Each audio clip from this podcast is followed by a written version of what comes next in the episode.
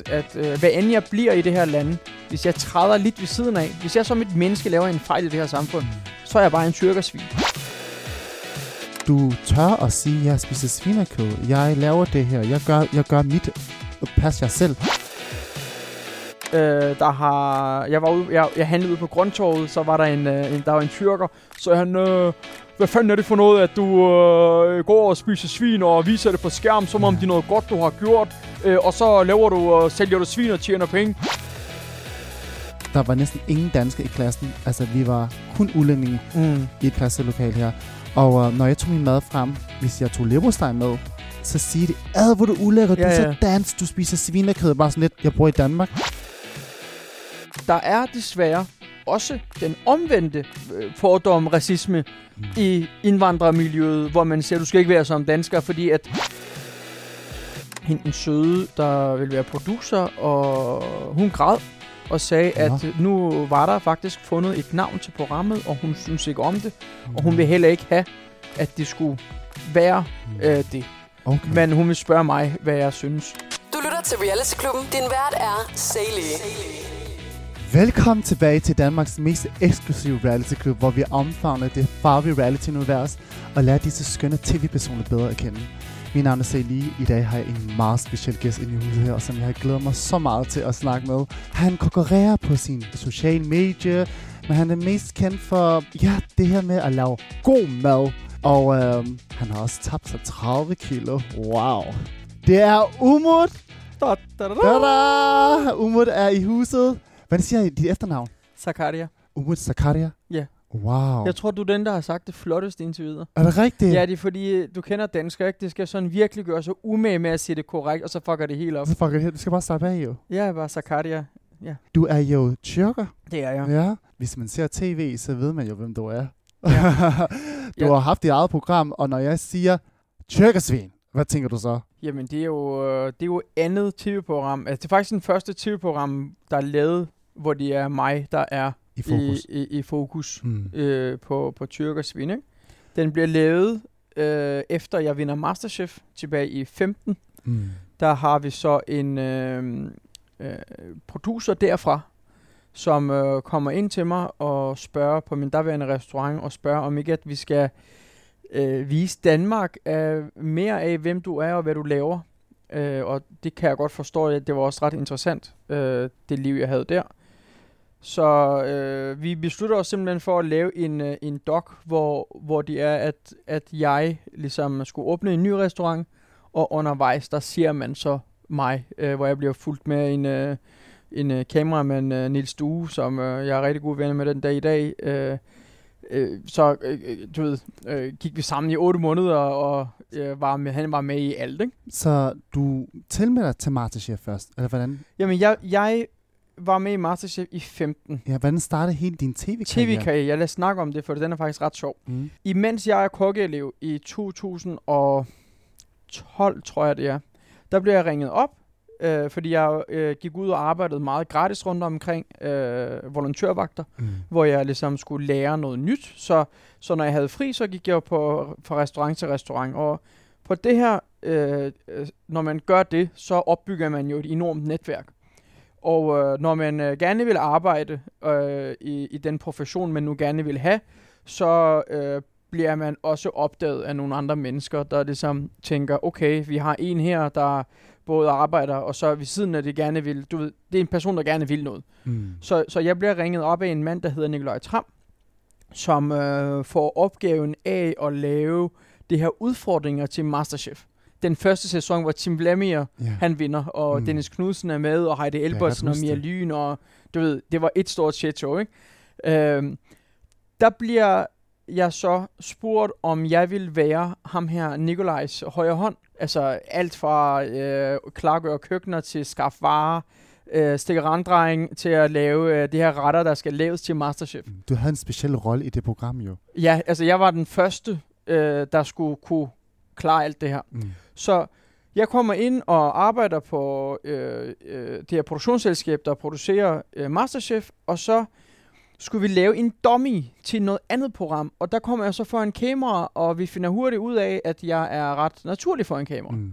Jeg får ikke sådan en, øh, jeg får det ikke dårligt, eller jeg bliver ikke underlig for en kemo. Du kan blive ved. Du kan blive ved. Ja, ja, men jeg kan bare sådan snakke normalt. Ikke? Ja. Øh, så øh, tænkte jeg jo ikke mere over det, fordi at jeg skulle gennemføre min uddannelse, så, så jeg havde taget en øh, overlov fra min uddannelse, så jeg kommer tilbage til min Hvilken uddannelse var det? Var det kok? kokkeuddannelse. Okay, Ja. så du Man- var stadigvæk i gang der? Ja, ja, ja, ja. ja jeg, jeg tog bare lige en pause på 3-4 måneder, så lavede jeg det andet, og så kom jeg tilbage igen Mm. og færdiggjorde min uddannelse.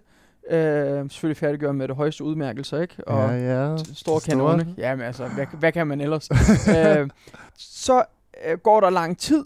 Jeg øh, øh, bliver færdig med min uddannelse. Jeg begynder at studere noget økonomi, og jeg finder ud af, at jeg skal gå selvstændig nu. Øh, det Mm. mærker jeg, og så gør jeg det. Og øh, dengang, der laver jeg så mad til et øh, plejehjem, og jeg laver øh, selskaber øh, til fester, bryllup og alt det.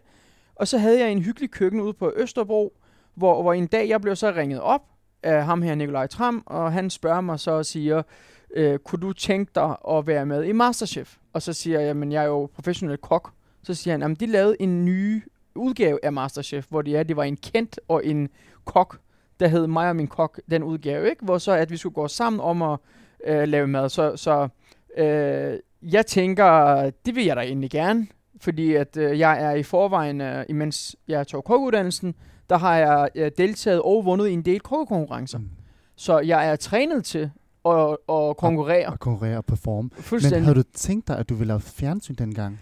Eller Nej, nej, det, altså jeg, jeg deltager i Masterchef, fordi at jeg ved, at jeg vinder det. Fordi at jeg er... fordi, Elsker dit mindset. men, men det var fordi, det var fordi, du skal tænke på, at jeg har brugt tre og et halvt år af mit liv på at træne. Jeg har brugt mit liv på at tage fat i, eller øh, dengang har jeg brugt rigtig meget tid på øh, tage fat i en bestemt råvare, og for eksempel løg, ikke? og så tænke, hvad kan jeg lave ud af løg? Jeg kan ryge det, brænde det, sylte det, øh, purere det, tørre det. Øh, hvad kan jeg så gøre? Jamen, så kan jeg tage puréen, måske brændt løg puré, der kan blive til en skum, så kan jeg støbe det, du ved Mm. hele det her mekanismer var jo fuldstændig indgroet i mig, så jeg vidste, hvad det er, jeg lavede. Øh, Så jeg siger ja, og så viser det sig så, at jeg skal øh, teames op med René Diff. Ja, det er stort. Ja, det er kæmpe. Jeg vidste ikke, hvem han var. Nej, du vidste Altså, hvem han var. Per navn vidste jeg ikke, hvem han var. Og så øh, sagde det, kender du Barbie Girl? Så siger jeg, ja, det gør jeg. Så sagde det, kender du ham, der er kendt? Så siger jeg, ja, det gør jeg også. og, så, ja. og så mødte vi hinanden, og øh, så deltager jeg så i Masterchef-programmet. Og øh, imens vi laver det her program, fordi at jeg også har arbejdet for sættet, men altså alle var anderledes, ikke? Det var ikke det samme dommer, det var heller ikke det samme personal, Mm. da jeg kommer tilbage. Men nu op fra kontoret var det samme. Altså sættet havde skiftet, alle kameramændene var nye, men, men dem fra ligesom, øh, kontoret var, var de samme.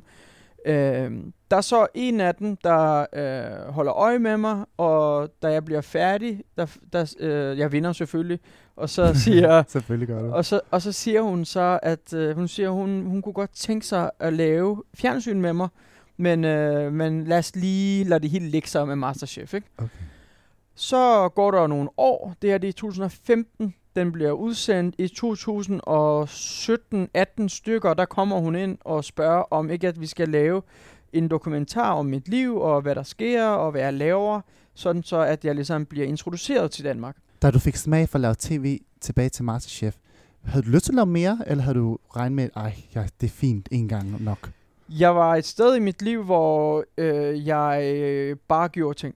Altså, Mm. jeg, jeg øh, var et sted i mit liv, for eksempel hvis man siger tyrkersvin, så er det meget mig råt, som det er. Ja.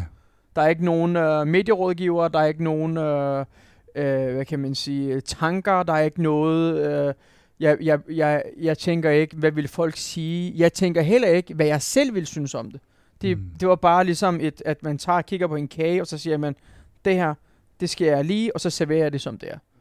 Øh, så, så, så det var ikke noget, jeg egentlig øh, altså tænkte på, om jeg vil eller ej. Jeg synes bare, at hun, jeg kunne vildt godt lide hende her, der kom, og jeg synes også, øh, selvfølgelig skal folk der vide, hvor, hvem, hvad jeg laver, og jeg tænkte sådan øh, rent øh, forretningsmæssigt til mine restauranter dengang, at, at det ville da være fint at Mm. vise øh, hele landet, at man åbner en restaurant. Ja. Øh, så, så det var ikke så meget for at skulle lave fjernsyn. Øh, den her dokumentar, den bliver stablet på benene. Var det måske i forbindelse med, at du kunne få den forretning til at vokse? Tænkte du det? Ja, det, det, var, det var selvfølgelig en del af det. Jeg tænkte, mm. at, at så ville min forretning blive kendt, men der var ikke rigtig nogen øh, filter i programmet. Altså man må sige, at programmet, dokumentarprogram, det har været med til at virkelig booste dit navn i 2019, for du var allerede kendt før, Ja, men du blev så stor. Altså Ja. du fik, du lavede noget revolutionerende, synes jeg, fordi traileren var faktisk, du var i, i badekar med Ja. brun sauce, Ja. og du er kendt for at lave rigtig god flæskesteg. Ja. Allerede det skal du der ud. Jamen altså, øh, programmet skulle jo laves, og den øh, laver vi, og øh, der var jeg sådan lidt, jamen så lad os lave noget skørt. Var det Fordi- din idé egentlig? Med badekar? Ja. Ja, ja, ja. Det var, altså det badekarbillede der, det er, øh, politikken laver et kæmpe interview med mig, og så siger de så, at de gerne vil få taget nogle billeder, og jeg siger til dem, gå på Google. Altså, Mm. jeg gider ikke øh, bruge... min- Nå, men ikke, det, er ikke for at være, det er ikke for at være arrogant, Hmm. men det er fordi, der kommer rigtig meget af sådan noget ligegyldigt, altså sådan noget, øh, undskyld, øh, men sådan lidt ekstrabladet-agtig øh, artikel ud af halvanden times interview, så kommer der et eller andet sådan noget tre Ligegyldigt. linjer fuldstændig, altså Ja. hvor, du, hvor du ikke øh, får noget, ikke?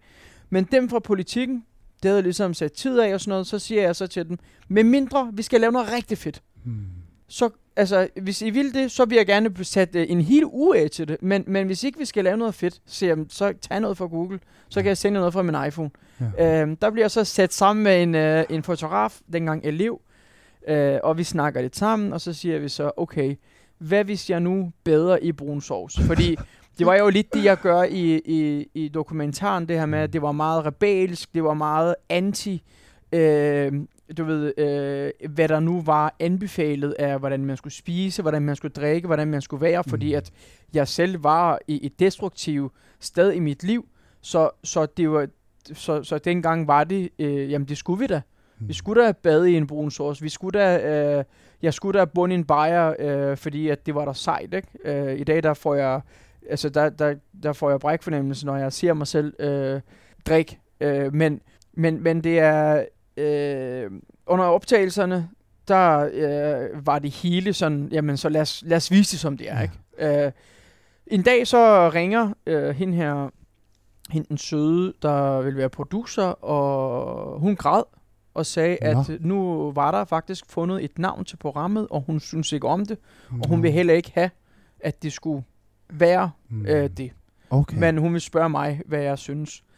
Øh, inde i, øh, i, i programmerne, der øh, taler jeg omkring, altså vi har det rigtig godt med at kalde indvandrere for danskere, lige snart vi gør noget godt. Hmm. Og i det øjeblik, man træder ved siden af, så bliver man bare kaldt øh, P-ordet, eller Hmm. så er det bare et eller andet, ikke? Så er Ja. bare en skid vietnameser, øh, Ja. risknasker, og jeg er bare sådan en behovedet tyrker. Og, og der siger jeg så, øh, jeg bliver sådan lidt sur, hvor jeg siger sådan, øh, med danske smagsløg, så siger jeg, min smagsløg er ikke danske. Jeg elsker dansk mad, Hmm. men jeg er tyrker. Ja. Og så siger jeg så, at, at øh, hvad end jeg bliver i det her land, hvis jeg træder lidt ved siden af, hvis jeg som et menneske laver en fejl i det her samfund, Hmm. så er jeg bare en tyrkersvin. Og det er det så har navnet, De brugte. ja, og det er det navnet kommer af, at Ej.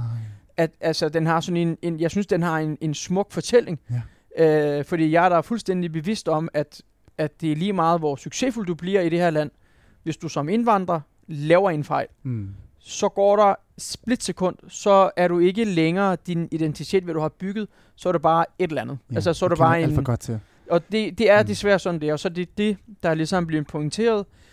Og hvordan andre tyrker har taget imod det, dem som har set på rammet, synes det var øh, rigtig fint, at, Mm. at det blev italesat. Fordi du er en anderledes tyrker. Du tør at sige, jeg spiser svinekød. Jeg laver det her. Jeg gør, jeg gør mit. Pas jer selv. Ja. Du har virkelig været rebels i fjernsynet. Da jeg så din trailer, ikke?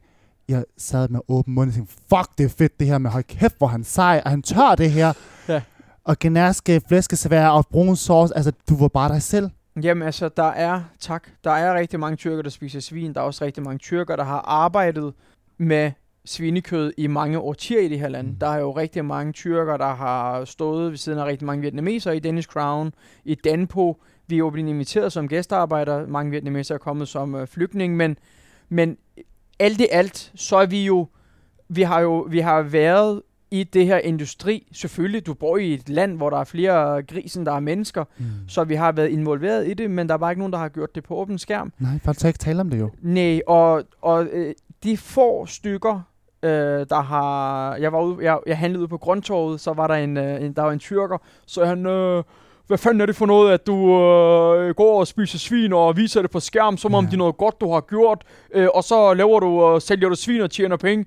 Så siger jeg, jamen tyrker har der, har der i flere årtier haft pizzerier og tjent penge på svinekød. Rigtigt. Men det har det da. Ja. Og så, og så for andet, jeg kan godt forstå, hvis jeg solgte stoffer eller slår folk ihjel for at tjene Mm. mm. penge. Jeg laver bare mad. Du ved, hold nu op, ikke? Fordi jeg så programmet, jeg tænker, jeg kunne forestille mig, at du fik rigtig meget kritik for at lave det på åben skærm. Jeg er tyrker, jeg spiser svinekød. Ikke så meget, som, øh, som jeg tror, det kunne have været, og jeg tror, det kommer simpelthen af, at jeg ikke omgås med de lag af samfundet. Mm. Altså, jeg, jeg er ikke... Øh, det kommer selvfølgelig an på, hvor du er. Altså, øh, alt i et vist lag af samfundet kan virke fuldstændig gakket i forhold til et andet lag af samfundet. Mm. Øh, så, så det var ikke så galt. Der var Nej. ikke, øh, det var ikke sådan øh, voldsomt. Også fordi, at det her med at råbe tyrkersvin, det, det er jo sådan en skændsord, ikke? Og, og det var også på grund af, at, at, at svinet i litteraturen øh, bliver jo brugt som øh, den lille gris, som Mm. noget sødt, og svin som, som noget, der En er... lille grisling. Ja, du ved, vi, vi bruger jo gris i alle sammenhæng, både i madlavning og i vores litteratur, og når vi skal fortælle noget med vores følelser. Og der, der synes jeg bare, at det er lidt synd for det dyr, at den Ja. er blevet... Øh, altså igen er den... Øh, Den er jo så sød. Ja, det er den. Den smager også godt, ikke? Men, det er det. men det er det her med, hvordan vi bruger det. Altså, mm. det er jo... Øh, det, det, det gør selvfølgelig noget, og øh, der kom ikke rigtig noget. Jeg bor jo på Nørrebro, altså øh, ingenting. Nej. Den eneste gang, hvor det er, at, øh, at der er en, der øh, råbte ud af en bil, det var, åh man, tyrkersvin, og så var det med en øh, tommefinger op. Og så, og så er der selvfølgelig, øh, og så er der selvfølgelig øh, altså, hverdagens teologer på TikTok, når jeg går live og begynder at lave mad, så er der altid sådan nogle... Er nogen øh, angriber der? Nej, ikke angriber sådan noget. Øh, øh, spiser du svin? Øh, og det, jeg tror, det er sådan nogle små børn, der Mm. ligesom... Fordi for dem, der er det jo utænkeligt. Det er jo klart, at hvis du bor i et sted, hvor der ikke er noget... Øh, hvor, hvor, hvor alt er i kasser. Hvis du bor et sted, hvor du ikke må være som dansker, og når de siger dansker, så tænker de ikke på H.C. Ørsted, så tænker Mm. de på en, øh, en øh, alkoholisk nabo, som, øh, som de har ondt af. Men du har ret det med kasser, fordi jeg er opvokset i Voldsmose. Selv tydeligt huske dengang i folkeskolen, når jeg tog madpakke med, der var næsten ingen danske i klassen. Altså, vi var kun udlændinge Mm. i et klasselokal her. Og uh, når jeg tog min mad frem, hvis jeg tog leverpostej med, så siger de, ad, hvor du ulækker, du Ja, er så ja. dansk, du spiser svinekød, bare sådan lidt, jeg bor i Danmark, og jeg er ikke muslim. Men så begynder jeg også at tænke, at jeg skal spise som muslim, og jeg skal ikke spise svinekød i klassen. Jeg skal passe på, hvad jeg siger. Og Ja, det er omgivelserne, der det er omgivelserne, og... der gjorde sådan, at man var. Ja. i boks i kasser, og det Ja. var så irriterende. Ja. Og så kom du jo bare sådan et, fuck de her kasser. Ja, og, de, og jeg tror også der, hvor det ligesom er blevet interessant for mange, var jo, at jeg øh, gav aldrig slip for, at jeg var tyrker. Mm. Det var det, der var... Øh, fordi hvis jeg, altså der, der er jo mange øh, indvandrere, der går ud og siger, så bliver det et eller andet, og så siger jeg, nu er jeg dansk. Når jeg bliver spurgt, om jeg er dansk, så siger jeg, nej, jeg er tyrkisk. Jeg elsker at være her, jeg elsker maden, og elsker... Jeg siger det samme. Jeg, jeg er født i Danmark med at sige, at jeg er vietnameser. Jeg har Jamen- aldrig sagt, jeg er dansk. Og, og der kan jeg bare ikke, jeg kan ikke forstå, hvorfor det skal blive til en større problem, at, at, at man bare siger, jamen jeg er tyrker, men kan du så ikke lide, at jamen, jeg elsker Danmark. Jeg, Mm. jeg, når jeg tænker hjem, så tænker jeg hjem i Danmark, så Mm. tænker jeg hjem i København, men det ændrer ikke på, at jeg også har en anden kultur, som jeg også elsker. Mm. Og lige så meget som der er nogle ting, jeg elsker i Danmark, så er der også nogle ting, jeg har ret til at kritisere. Det har jeg også for min egen kultur. Og det er sådan, det er. Jeg synes, det er også et...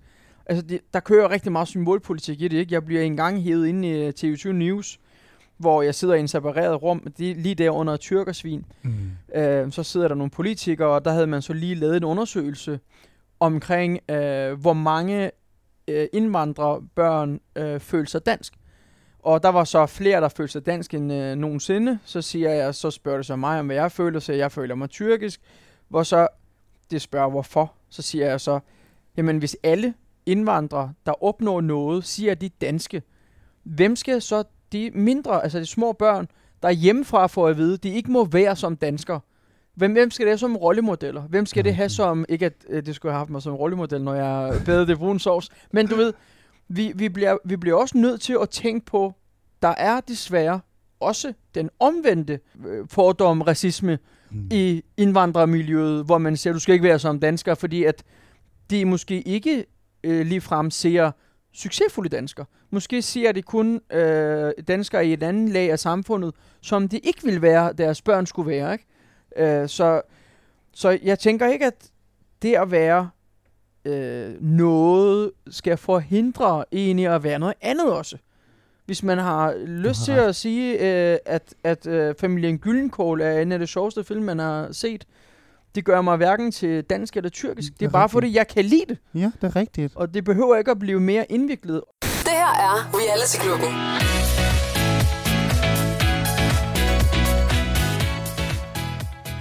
Jeg vil også gerne vide, hvornår kom du ind til Danmark?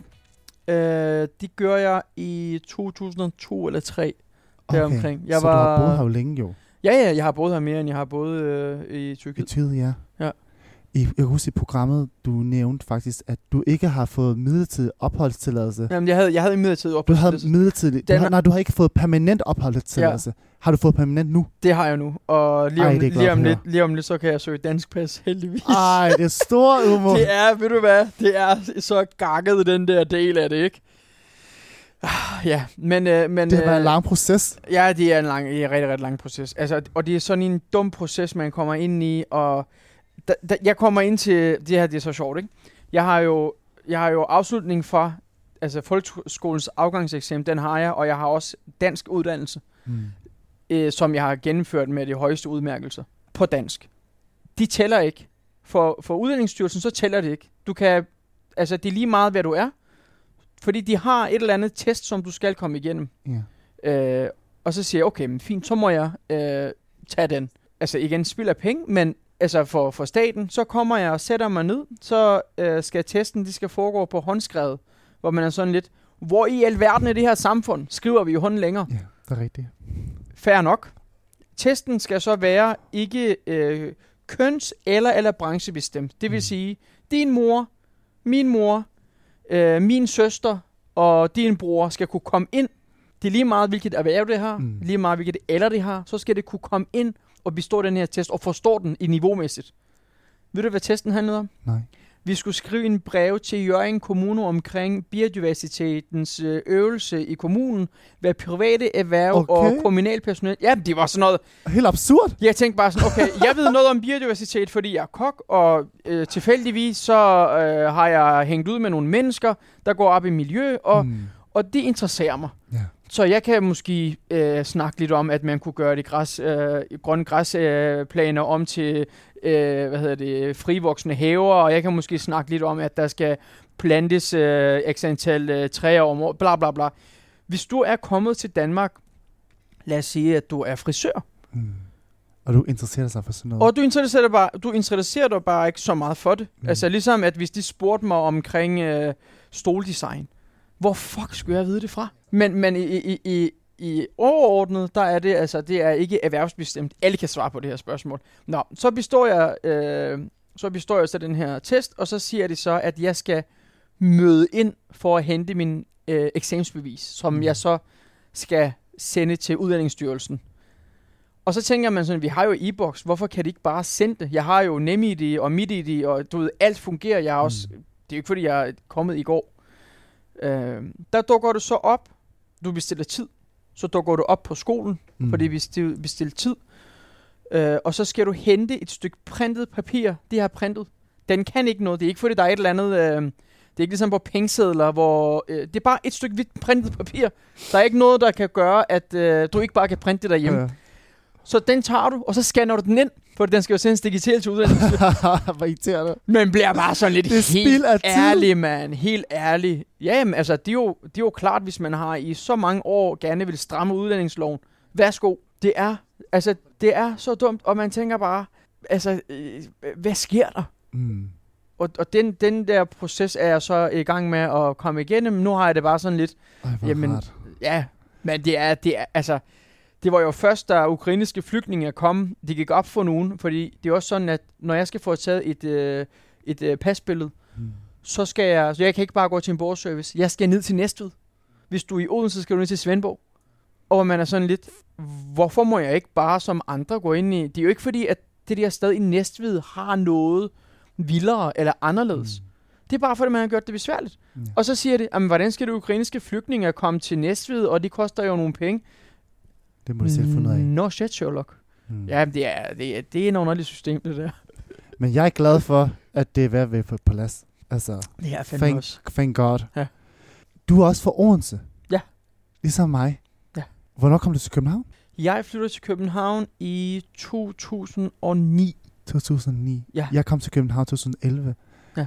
Men jeg er fra Voldesmose. Hvor var du fra? Jeg var fra Højstrup, Tarup derude. Ja, fordi vi, har, vi kender jo nogle fælles mennesker. Ja. Ja. Jeg har også været til sådan nogle vietnameserfester inde i Ja. Vi har sikkert stødt ind i hinanden. 100 procent. Ja, ja. Fordi min barndomsveninde Yen, hun kender dig jo. Ja, ja, ja. Um, jeg kender en del vietnameser. Mm. Det var uundgåeligt, og ikke Vi var over det hele i Odense jo. Ja, men I råber og skriger, ikke? Jeg vil ikke, jeg vil ikke, jeg vil ikke sige, hvad I råber, men jeg kan stadig huske det. Altså, når I, når I spiller computer på netcaféen, der var det eneste, man kunne høre. Mm.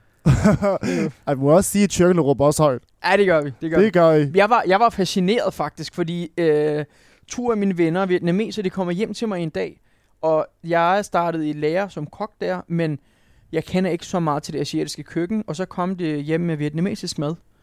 Jeg var i- helt blown away Mm. af, fordi det er så anderledes teknikkerne, Ja. øh, og måden, man spiser på, de er så, det er så fjern fra både det europæiske, men også det tyrkiske.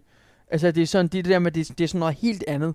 Men jeg har set lavet nogle vietnamesiske retter, Ja, og jeg ja, tænker, ja. wow, Jeg det ser så autentisk ud. Ja, jeg elsker det. Jeg, jeg, bruger bare min, øh, jeg bruger bare YouTube til at finde andre vietnamesere, der laver. Nå jo, men, Men, men det er rigtigt med for inspirationer. jeg har altså en, øh, en, øh, en vietnamesisk øh, flygtningbarn fra, hun er fra USA, og øh, kæmpe store på YouTube, ikke? Hmm.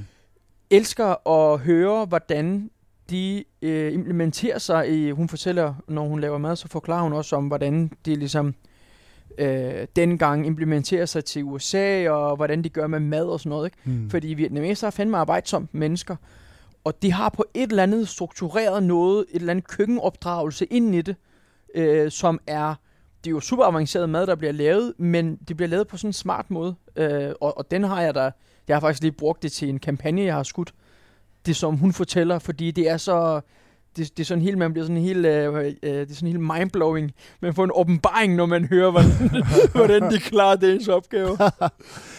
Umut, vi kender dig for at have åbnet restauranter. Hvad laver Umut i dag? Fordi dem, der følger med i pressen, i de her blader på sociale medier, ved, at du har lukket dine restauranter ned. Hvad laver Umut i dag? Jeg laver øh, en del i YouTube, Mm. øh, og så laver jeg, jeg er i gang med at støbe en øh, forlag på benene, så jeg kan udgive min egen kogebøger. Ej, det er stort, Og Umut. så laver jeg, ja det er ret sejt. Ja? Øh, og så er jeg holder foredrag og sådan noget madformidling. Jeg rådgiver virksomheder i, i markedsføring, fødevarevirksomheder. Ja. Og så laver jeg også selv noget influence marketing for, for både fødevare og fødevarevirksomheder, hvis der er køkkengrej eller Mm. øh, et eller andet bestemt ingrediens. Det giver også mening. Fordi Ja, på det- de sociale medier, det er jo mad. Det handler om mad og dig. Ja, præcis. Og nu har jeg nu har jeg brugt de sidste 10 år af mit liv på at lære det at lave mad og åbne restauranter.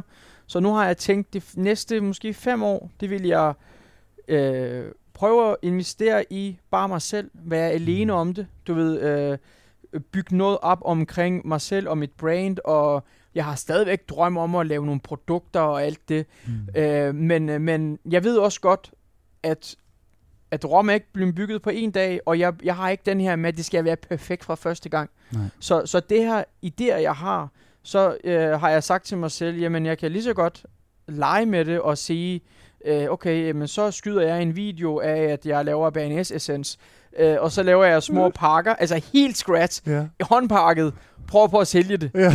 se, kan det noget, ikke? Øh, fordi, fordi der er jo den her forståelse af, desværre, for mange mennesker, så tænker de, jamen hvis jeg skal starte noget, så skal det være stort Mm. på én gang. Der er ikke noget, altså Dalun, for fanden, det er en, øh, jeg tror han er fra Kina, der laver små forårsruller nede i hans kælder. Ja.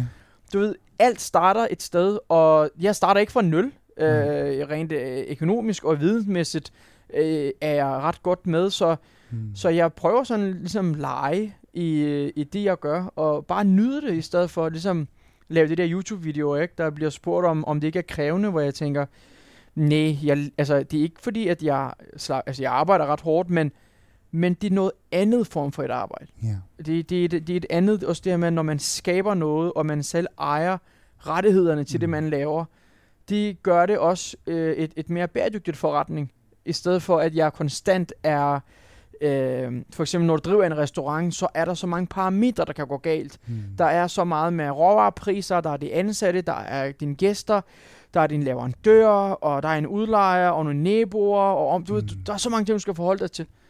Så, så nu er det sådan lidt mere, i stedet for at gøre sådan her, nu er det bare at trække i to tråd, Ja. og, og, og få en bedre styring og bedre greb om ens øh, forretning og ens fremtid. Ikke? Jeg kan også høre, at du er en meget kreativ mand. Du kan lige være kreativ. Fordi jeg Elsker kan også det. huske dengang, du lavede et eller andet. Var det en øl? Ja. Du, du havde et eller andet på et tidspunkt. Din egen øl.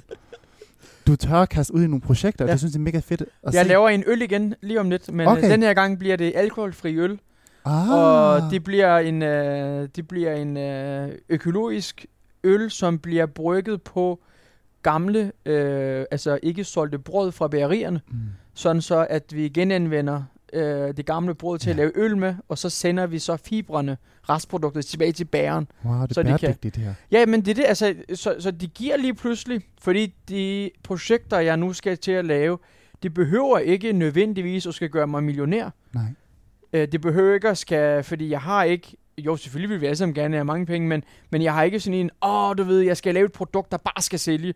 Nu har jeg det sådan lidt mere, mm, kan det gøres på en anderledes måde? Ja. Kan, det, kan, jeg, kan jeg gøre noget, som øh, gør, at, at verden bliver lidt bedre? Ja. Øh, Jeg kan godt lide en, for- en forskel samtidig at have din passion med. Jeg Ja. kan høre, at du vil gerne lave noget, der giver mening for dig, i stedet for at du kun har penge, penge, penge, penge. Præcis, fordi det har været meget øh, penge, der har ligesom været i fokus, fordi at jeg skulle ligesom have, og jeg skulle vise, og jeg skulle øh, prøve at have penge. Jeg, jeg kommer ikke fra penge. Nej. Altså, det tror jeg heller ikke, du gør. Vi Nej. kommer jo ikke fra millionærfamilier, Nej. eller vi har ikke... Det er ikke fordi, jeg bare kunne gå ud og købe de, jeg vil som barn. Så, så på et eller andet tidspunkt, så bliver man også mættet af at gå ud og, og gøre det her ting. Så tænker man, okay, nu er jeg mæt. Mm. Nu vil jeg gerne prøve at gå ind i kernen og sige, Ja. hvad, hvad er det, jeg vil arbejde for? Fordi hvis, hvis ikke er penge, der skal drive mig, hvad er det så, der skal drive mig i fremtiden? Og der finder man så sin, ligesom da vi var barn og gerne vil lege noget, så sagde man, "Jamen, jeg vil gerne lege med den her. Okay, men så gør man det. Hvorfor? Det er bare, fordi jeg nyder det. Og, og længere er det jo, behøver det heller ikke at være. Mm. Jeg elsker at høre dine visioner. Mange tak. Jeg elsker det. Okay, du nævnte det der selv med, at du laver en øl snart, som Ja. er alkoholfri. Ja. Og så har jeg faktisk slæbet et blad med her, og jeg kunne ikke lade være med at klappe, da jeg så det her. Prøv at se her. Nu kan jeg lytterne ikke se det, men det er Umut, dig, der har tabt 30 kilo, og Ja. du ser så slank ud. Altså, det er jo sindssygt. Jo tak, jo tak. Og så vil jeg spørge dig, hvad har du gjort? Det er jo Jamen, imponerende, øh, 30 kilo. Jeg har gjort rigtig mange forskellige ting. Øh, og øh, jeg har gjort det, at jeg har i mange år været på forskellige kurer, som ikke har virket. Hmm. Sidste år, der i, hvis man har sit tre sultne mand, hvor vi er i Norge, øh, de sidste to episoder, Ja. Det er I- det aktuelle program, Ja. du lige har været med i sammen med Simon Juhl Simon Juhl og Francis. og Francis, ja, hvor Ja. I tre rejser rundt, også blandt andet til Tyrkiet, ikke? Ja, ja. For eksempel, øh, der hvor jeg er i øh, Tyrkiet, er størst. Og der har jeg det rigtig skidt. Mm. Altså, jeg har det rigtig, rigtig dårligt. Der sker det, at jeg øh, tænker, nu skal der ske noget. Nu, nu gider jeg ikke mere, fordi Mm. jeg har både øh, prøvet at tage Novo Nordic medicin, jeg har sultet mig selv, jeg har været på øh, so, hvad hedder det, sobikuren. Har du været på Ozempic, som er rigtig mange på? Ja, ja, ja, det har jeg også været på. okay. Jeg har været på alt. Jeg har været på, øh, jeg har været på noget slankemiddel, inden de overhovedet var en ting herhjemme i Danmark. Ja, okay. Jeg har også drukket sådan noget te en gang, hvor, hvor det gjorde, at man skidt sig selv ihjel bagefter. det er rigtigt. Det er rigtigt. Det var sådan en, alt. det var sådan og en, ja, ja, ja, det var sådan en te. Det var, det var sådan, det smagte forfærdeligt. Men øh, det var sådan en te, man skulle drikke det 20 minutter, inden man spiste, og når du spiste, så i stedet for, at du kastede det op, så røg det bare ud af numsen. ej, Ja, det var, ej, og det- og det var ligesom, man tissede ud af numsen. Det Og var det ikke- virkede ikke. Jo, alt virker i øjeblikkeligt. Mm. Øh, men men du tager det på periode. igen, ja. Du Mm. tager det på igen. Øh, så sidste år, inden den her rejse, et halvt år inden, eller var det otte måneder inden, der er jeg ude og få taget en fedtsoning. Ah, Full body Jeg liposuction. kan godt huske det. Yes, Fordi da programmet kom frem, nu tænker jeg sådan, det er jo så optaget, skulle det falde. Way ja, back. ja.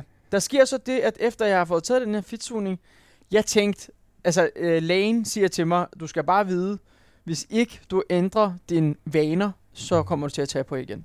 Mm. Øh, jeg møder også en gut, som havde fået taget sådan en gastric bypass, der hvor det kortede Ja, maven af. maven, ja. Han var så gået ned fra 200 et eller andet ned til ingenting, og han skulle til at få taget en fedtsoning igen, fordi at han var begyndt at blive stor igen, Mm. og han var så bange.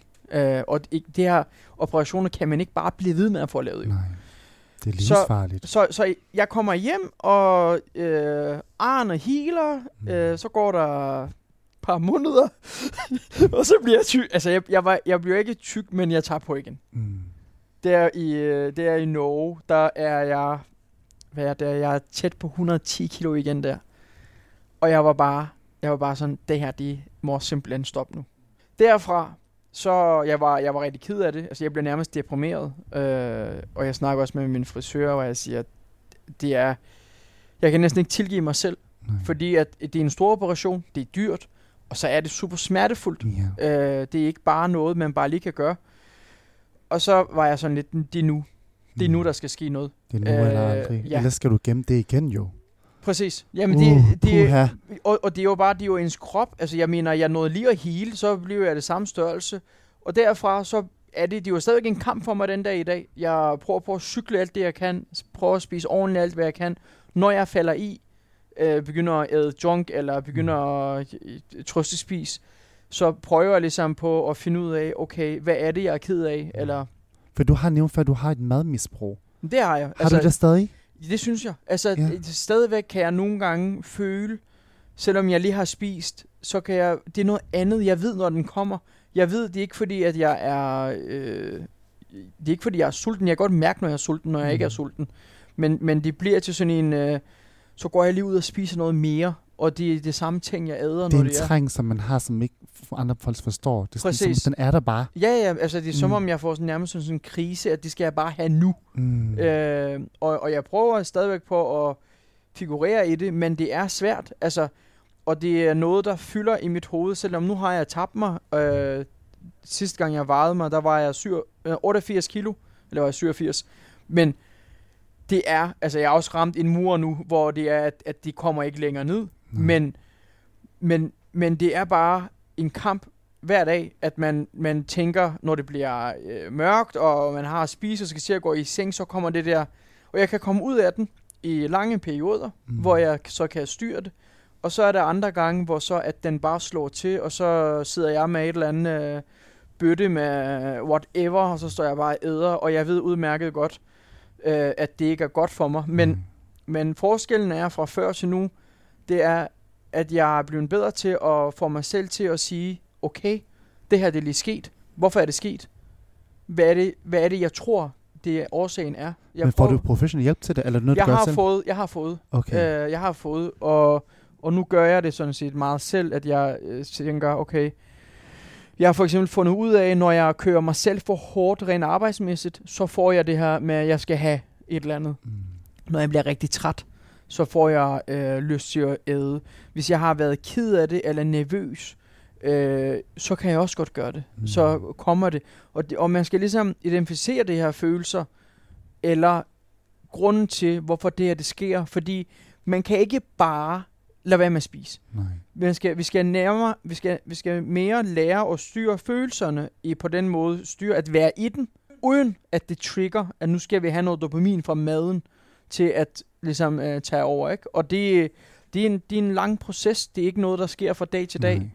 Nej. Øh, og, og der er mange tilbagefald. Selvfølgelig er der det, fordi livet fortsætter. Mm. Og vi, vi kan blive ved med at være ked af det, eller der kan opstå nogle nye ting, Mm. mm. eller øh, det her med, at, at jeg tænker, at det er en god idé, at jeg lige øh, skyder en, øh, eller en kyllingspidsvideo Mm. klokken øh, lort om aftenen, og så bliver klokken et om natten, så har du kørt dig selv lidt for hårdt. Du ved, man står der inde i, inde i sin køkken og inde i sit eget hoved, og har tusind ting, man skal gøre for, at det her video, der bliver lavet.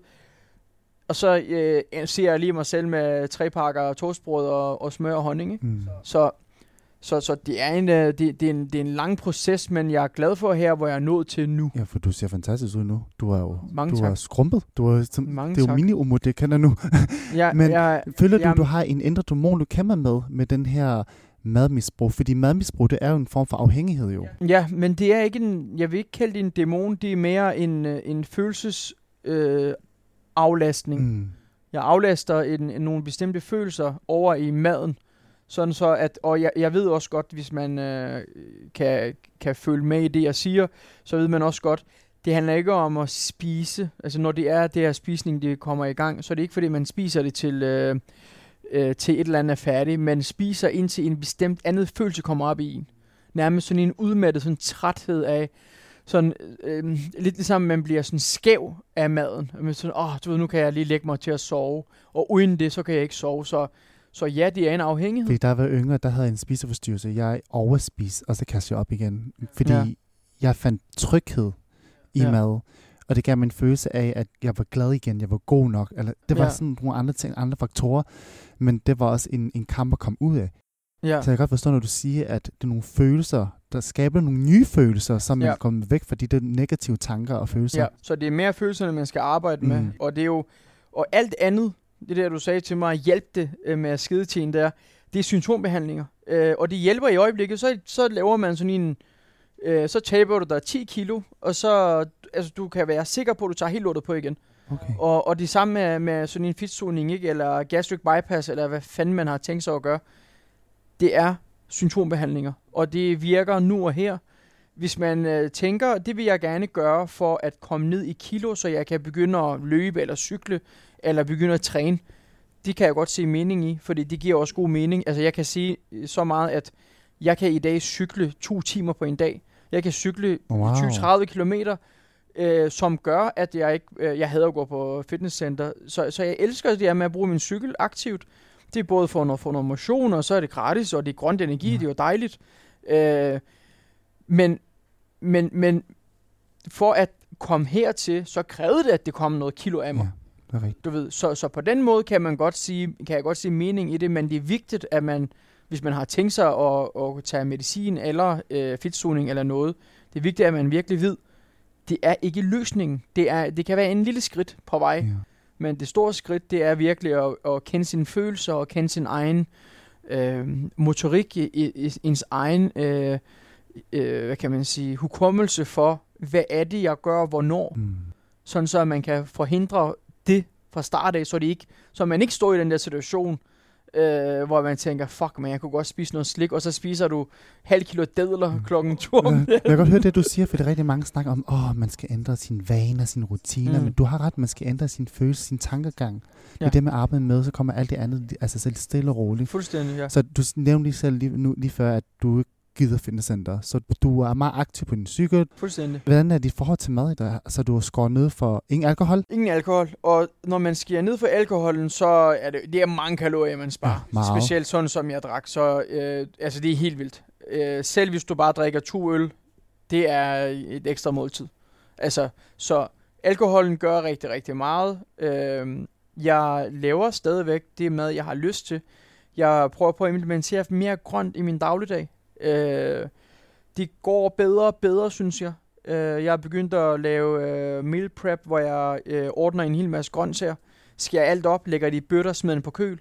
Så når jeg skal have mad, så kan jeg tage det ud. Det er også, altså, helt den der del med, hvad vi spiser, øh, er også rigtig vigtigt, ligesom med følelserne.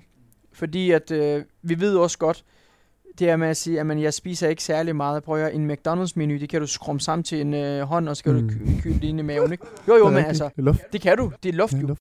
Øh, men bare, der er bare rigtig mange kalorier i, ikke? Så, så, så vi har bare brug for nogle grove grøntsager, vi har brug for nogle bælfrugter, vi har brug for noget, som giver os noget substans i, i vores mave. Fordi hvis jeg kan spise øh, glasnudler og, og kål og kylling og noget bouillon, øh, det er ikke nogen kalorie. Altså, det kan du øh, æde, til du revner. Ja. Det sker ikke en skid. Det gør der ikke, fordi der er ikke nogen kalorier i det. Så, så, så man kan lige så godt bruge grøntsagerne, og, og, og så ud over det, så er det også godt for vores tarmflora og vores krop, og med, med vores, alle de vitaminer og mineraler, vi også skal have. Ikke? Så man kan lige så godt bruge, det er egentlig ikke så indviklet. Det er bare svært at implementere. Det er ikke svært at købe forskellige grøntsager, skære og snit dem, lægge dem i nogle bøtter eller fryseposer, og så når man skal lave mad, så bare tage det ud, hælde det ned i en wok, bare lige hurtigt switch det med noget soja og fisksauce, hvad det nu er, og så spise det. Det er ikke svært, men, ja. Ja, men, men, men det er også det er, altså det er sådan jeg for de meste øh, øh, lever og prøver på at leve. Og så den her forståelse af at ikke alt mad behøver at være en oplevelse. Altså nogle gange, så skal mad bare være mad. Ligesom i gamle dage, hvor man spiste noget grød, når man var sulten. Du ved, det må godt være, selvfølgelig skal det være det, en fastmåltid og alt muligt, øh, der er spændende at spise. Men en gang imellem, så er det helt fint, at man laver et eller andet, øh, undskyld min udtryk, men bare er fucking kedeligt. Mm. Men bare æd det. Så æde det. Som, Bare det smager stadig godt, jo. Det kan, det kan godt smage godt. Ja, ja, det kan bare virke hvad du gør det kedeligt. til. Det kan bare virke Mm. kedeligt, men, men det er lidt ligesom, at vi går heller ikke ud og fester hver eneste dag. Hvis vi gør det, så er det, altså du ved, det, det, her med, hvad vi siger, at vi skal gøre det med måde, og det, det bruger vi altid, når vi laver noget, der er helt fucked, som vi ved, vi ikke burde at gøre. Mm. Men når det er med mad, der er det bare, altså, at lave den der store middag, man behøver at gøre det hver aften. Nej. Det er helt okay, og det er helt okay at bare spise noget, der kan virke lidt kedeligt, men, men det er noget, der er godt for en. Det er ligesom Mm. at tage vitaminpiller, det smager jo ikke godt, eller man har ikke nogen holdning til det.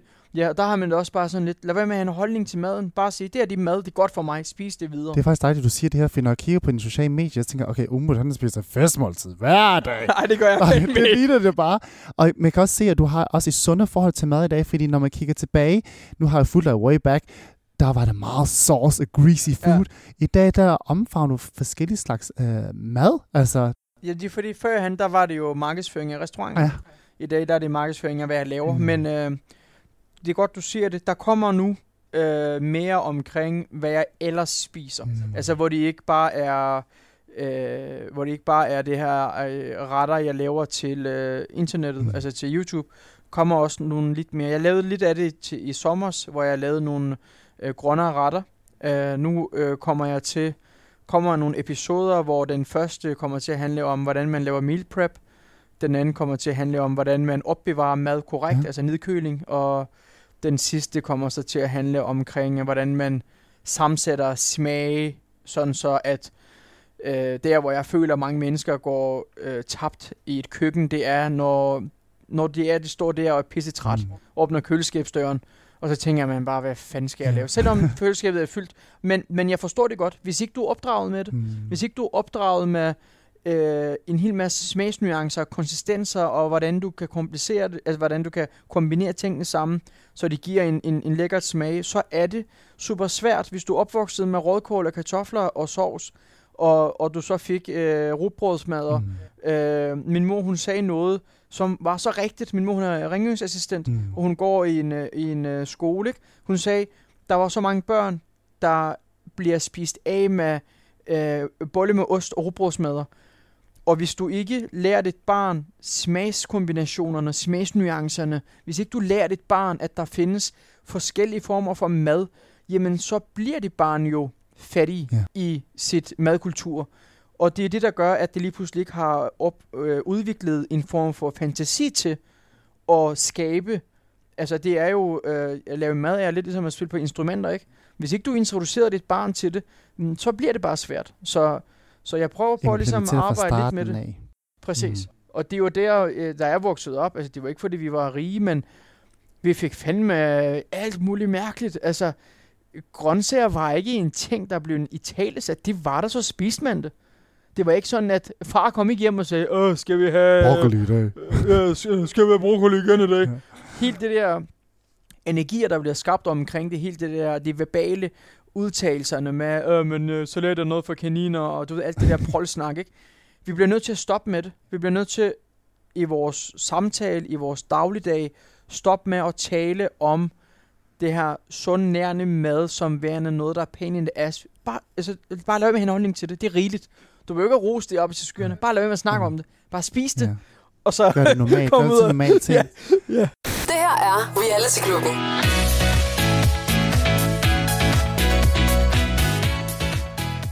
Kunne du godt se dig selv have dit eget madprogram? For nu dit CV, altså på tv-program er rigtig langt. Du har lavet overlanden, langt fra landsholdet, etc.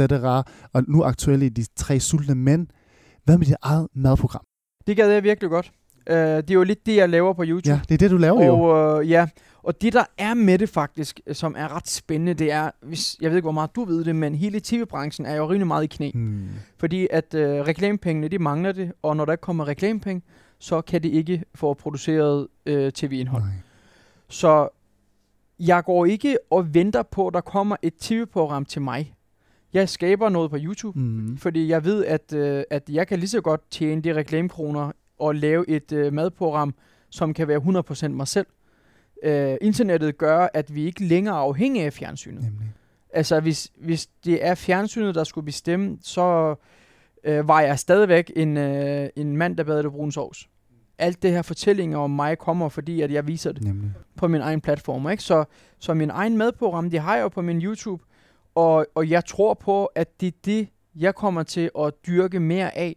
Ikke at jeg ikke vil have et, jeg vil da elske at have min egen tv-program, men du ved jo også godt, at tv er et smertefuldt proces i og med, at det går så langsomt, fra der kommer nogen og siger til dig, jeg har den her idé, skal vi lave det, så skal man lave en dummy, så skal man pitch ideen, og så går der et eller andet, øh, du ved, hvor på øh, YouTube for eksempel, eller på ens egen sociale medier, der kan jeg få en idé. For eksempel så havde jeg en idé om, at jeg ville lave mad ud af min kolonihave. Jamen så tager jeg til min kolonihave, så skyder jeg det, jeg vil, og det bliver ikke i tv-kvalitet, men det er fuldstændig ligegyldigt. Ja. Fordi min egen, min egen audience, de vil gerne have mig så rå som muligt. Og det leverer Og- du gerne. Det laver jeg, det, det det, jeg kan ikke det andet der. Øh, og, og i dag er der også kommet en hel masse unge mennesker, som er ekstremt dygtige til at filme og klippe. Øh, jeg har arbejdet med en, øh, han, siden han var 14, der hed Ludvig. Du ved, jeg siger mere af mig selv, ring til Ludvig og sige, skal vi ikke lave 10 episoder af Umuts kolonihave? Ja. I stedet for, at jeg skal gå og vente fire år på, at øh, et eller andet øh, tv-dude eller øh, tv-person, der køber programmer, skal kunne sige mening i mig. Fordi ja, mening og så i mig... det og så videre. Præcis. Ja, det tager lang Altså- tid. Ligesom altså- det tre sulter mænd, det var, var, det var optaget for lang tid siden jo. Ja, jamen, det er jo, det er jo, det er jo på det, der er kommet corona i ja, det. okay. Men, men når du kigger på, øh, når du kigger på visningstal Ja. når jeg laver en video og lægger det ud, jeg kan nemt nå ud til en halv million ja. seere. Det er jo øh, en, en primetime øh, tv-produktion for et, et, på et fjernsynskanal. Så platformene føler jeg ikke længere har en betydning. Nej. Jeg føler, det er indholdet, der, der giver noget til platformen, og ikke omvendt længere. Så, så, så ja, madprogram, øh, ja tak, men øh, Det håber Men- jeg så. der er også noget i at eje sin egen, øh, eje sin egen ka- altså, Kanal. indhold. Indhold, rigtigt. når du laver noget, at det er dig selv, der ejer det. Du har over, hvordan det skal være. Fuldstændig, og også øh, indtjening på ja. det. At du kan blive ved med at tjene penge på det i, i flere årtier, ikke? Det er jo det, der er så smart med streaming. Det er rigtigt. At du producerer noget en gang, og så kan du bare fortsætte med at tjene penge på det. Du friede jo til din smukke kæreste Johanne i sommer. Så stort tillykke med det. Mange tak. Og uh, hvornår kan vi se et bryllup? Det bliver... Vi tænker nok, det bliver i 2025. Okay, Ja, om to år. ja, det tror vi. Fordi vi skal lige have noget planlægning, og vi har heller ikke travlt med at Nej. skulle... I har også været Øh. sammen længe, ikke? Hvor længe har vi været sammen? Jamen, øh, vi har været sammen i to år, Mm. tre år, to og et halvt, Ja. tre år snart. Dejligt. Og jeg kan se, hun begynder at poppe mere frem. Også hun er med i dine madprogrammer nu. Ja, Og laver men- hendes egen dip og sådan noget. Ja, hun er dipdronning, Dipdronning, som vi kalder vi. Hun skal også, hun er i gang med at studere øh, politisk kommunikation Ja. ja. på CBS. Og øh, lige så snart hun bliver færdig, så har vi også nogle øh, planer om at lave nogle forskellige ting sammen. Uh.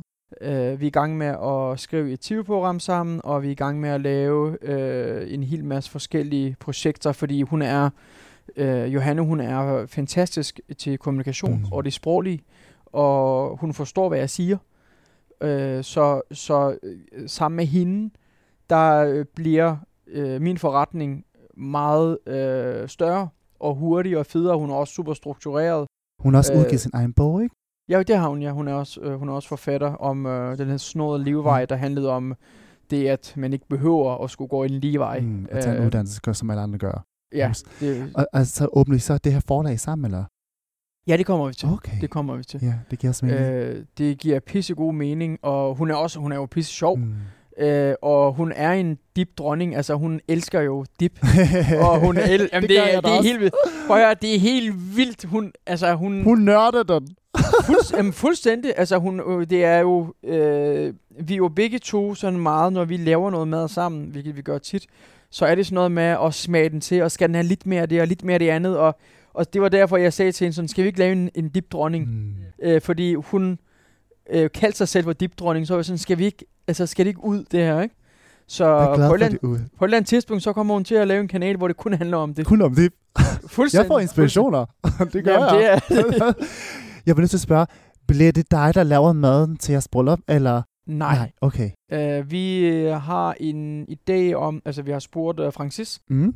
han skal lave hovedretten, og så har vi tænkt os, at vores bryllup skal være som uh, sådan en, uh, dags lands, landsbyfest. Altså, Ah. Ja, hvor, hvor, hvor de bare bliver helt nede på jorden, masser af live musik, og der skal være nogle forskellige øh, underholdning. Ellers så skal det være et bryllup, som tyrker gør, hvor altså, lidt mere raffineret end det der på en idrætshal, ikke? men, ja. men, men det skal sådan være, at man kommer med sine børn, og så er man der som en familie, så skal der komme noget mad løbende. Øh, jeg har masser af kokkevenner, så jeg tænker, at øh, jeg får nogen til at lave en lille snack, nogen til at lave en lille øh, hapser, så den eneste måltid, jeg vil have, der skal spises samlet, det er hovedretten, som selvfølgelig Papa Francis, Mm. han skal diske op med. Wow. Og han skal selv få lov til at bestemme, hvad han vil, øh, fordi at, øh, ja, han kan jo koge salt og sten, og så kan det smage Ja. godt, ikke? Det er helt sindssygt. Men, men vi har ikke sådan nogen madmæssigt, øh, vi, skal, vi har selvfølgelig holdninger til, hvad, hvad, hvad vi godt kunne Mm. tænke os, men det bliver nok mere vores venner, der det skal op med noget, de synes. Så ligesom sådan en... Skal de overraske jer? Ja, Ja. og, og, og vores gæster, ikke? Mm. Tænk, hvis, øh, tænk hvis, hvis du kommer til et bryllup, hvor det bare er øh, en hyggelig dag, fordi det skal være en hyggelig dag for Mm. os, at se vores venner, og vores familie, og vores øh, venners børn, og, og, og øh, høre noget godt musik. Altså, øh, bare lave sådan en... Jeg, jeg har bare kørt mange bryllupper som kok, og jeg lover dig for, hold... Altså, man kunne, man kunne seriøst lave et reality-tv omkring, hvor galt de kan Ja. gå til nogle bryllupper, fordi der er så mange holdninger til, øh, det er jo helt, helt univers, det her med bryllupper, øh, så der er så mange holdninger til, hvad man gør, hvornår, Mm. så er der sådan nogle trends, de skal følge, øh, og så er der øh, folk, der har nogle underlige ønsker, og i alt det her, der glemmer folk gæsterne. Mm. Det er jo dem, der skaber en fed fest. Ja. Det er fuldstændig lige meget, hvor mange penge du bruger på at skal lugte Angleterre. Det er lige meget, hvor mange penge du bruger på kaviar og champagne og hvad end du har lyst til. Hvis, din, hvis dine gæster ikke føler nærhed, Mm. og hvis ikke de føler, at de er gæster, men de er sådan nogle fucking dukker, der bare skal komme og sidde ned og klappe og høre på din søster og skrive en lang tale, og din bror, der skal gå op og sige et eller andet underligt ubehøvlet mm. noget, jamen så, så dør den. Ah. Altså jeg har været til mange bryllupper, altså sådan øh, lavet mad til, hvor man sådan fra start af kunne se på publikum, Mm. det, det var døde, inden de kom, fordi Jamen, det er jo klart, hvis du, skal til, hvis du skal i kirken, og der ikke er nogen forsyninger, og du ikke har fået lov til at slappe af, og du bare skal være deres øh, øh, lille hund, der skal føle efter parret, jamen, du bliver jo træt. Mm. Og på et tidspunkt, der vil du bare gerne hjem. Og det er derfor, der kommer aldrig til at være en fed fest. hvis det. Ja, ja, altså, Og jeg glæder mig til at følge med i dit bryllup. Jeg tror, det bliver anderledes. jeg tror, Og det bliver rigtig hyggeligt. Jeg, jeg inviterer ja. dig også. Åh. Vi skal have lavet sådan, vi skal lave sådan Tak, jeg, jeg vil gerne lave sådan en stor bryllup, Mm. mm. hvor, hvor mennesker, der er involveret i mit liv, kan møde hinanden Ja. også. Det er også derfor, altså sådan en stor bryllup, det koster jo mange, mange penge, Rigtigt. hvis man skal til at gøre, som alle andre gør. Hvis jeg skal til at lukke et eller andet sted, og skal køre tre retter af et eller andet røvsyge, øh, du ved, jeg gider det ikke, jeg har bare set Mm. det for meget. Det lyder som min folkefest. Men det skal det også være bare hyggeligt. Rigtig hyggeligt. Altså lave et eller andet øh, live for det her børn, der kommer, lave noget live for voksne. Mm. Øh, jeg, vi talte om at lave sådan en dagsplan. Jeg gad egentlig også godt til min bryllup, at, at vi øh, lavede et eller andet lille workshop for noget med noget mad, du ved. Mm. Så, så man kommer og hygger sig, og man går, når man vil. Ja. Øh, så, det ikke, så man ikke skal til at blive ødelagt i... Øh, ja, sådan nogle det der lange taler, ikke? At Hold man nu er kæft, tvunget til at gå igennem hele processen. Ja. Ej, Vi har været til mange bryllupper. Udlændinger, vi er tit inviteret til bryllupper. Hele tiden. Og så vil jeg gerne sige, og jeg vil også gerne sige, og så dengang, der vi... Det værste er den her. "Nå, Da vi var i uh, Sunny Beach i, i en... Uh, du ved, så fyrer det et eller andet intern joke af, og siger, ja, du ved, hvad jeg mener. Hvor, sådan, hvor fuck skal jeg vide fra, hvad I snakker Ja. om? Der sidder 80 mennesker Som og lytter med. ikke, hvad I snakker om. Overhovedet ikke, mand. Det, man bliver bare sådan lidt... Alt det der taler, Det ikke? spiller tid. Man burde, man burde seriøst at have øh, lavet et forretning, der godkender bryllupstaler. Mm. Mm. Sådan så folk gør sig umage, så det kan gøres kort og konkret. Jeg gider da ikke høre om sådan. Og så var der den der bytur, vi havde sammen. Kan du huske det, skat? Nej, vi andre kan ikke, for I var der vi ikke. Var der ikke. Ja, det var det, der var så sjovt. Hvorfor griner I? Hvorfor skal jeg sidde her og spille min fucking Ja. aften på at høre det inden et eller andet underligt bytur for fem år siden, som du synes stadigvæk er rigtig sjov, som du ved. Jeg kan allerede høre, at du får ingen wedding planner. Du er din egen wedding planner. Nej, der skal, der skal ikke være Der nogen. skal ikke være nogen. Hvad med babyplaner? Jamen, Får vi en lille umut På et eller andet tidspunkt, ja. Ja, lige Johanna. 1, 2, 5, 10. Åh, Ja, på et en andet kæmpe tidspunkt. fodbold, har skal vi have. Nu må vi Ja. se, hvor mange vi, hvor mange vi skal have. Mm. Men, øh, men jo, Ja. Umut, jeg vil sige tusind tak, for du kom her og delte så meget ud. Det har været en Jamen, kæmpe øh, fornøjelse at snakke med tak. dig. det er altid en fornøjelse at være sammen med I dig. lige måde. Og øh, jeg kalder det for Abi, det er jo storbror. Jeg ser jo op til dig, og jeg synes, du har gjort det fantastisk. Du har kommet fra Odense til Nørrebro, og på se, you have made a statement. Altså, Tak i lige måde, mand. Der skal være flere mennesker som dig. Tak. Jeg ønsker dig og din kæreste alt held og lykke, og jeg Tusind glæder mig til tak. at finde med. Lige måde, hvor er du sød. Tak. Så lidt. Hej. Du har lyttet til Reality Klubben. Find flere episoder der, hvor du lytter til podcasts.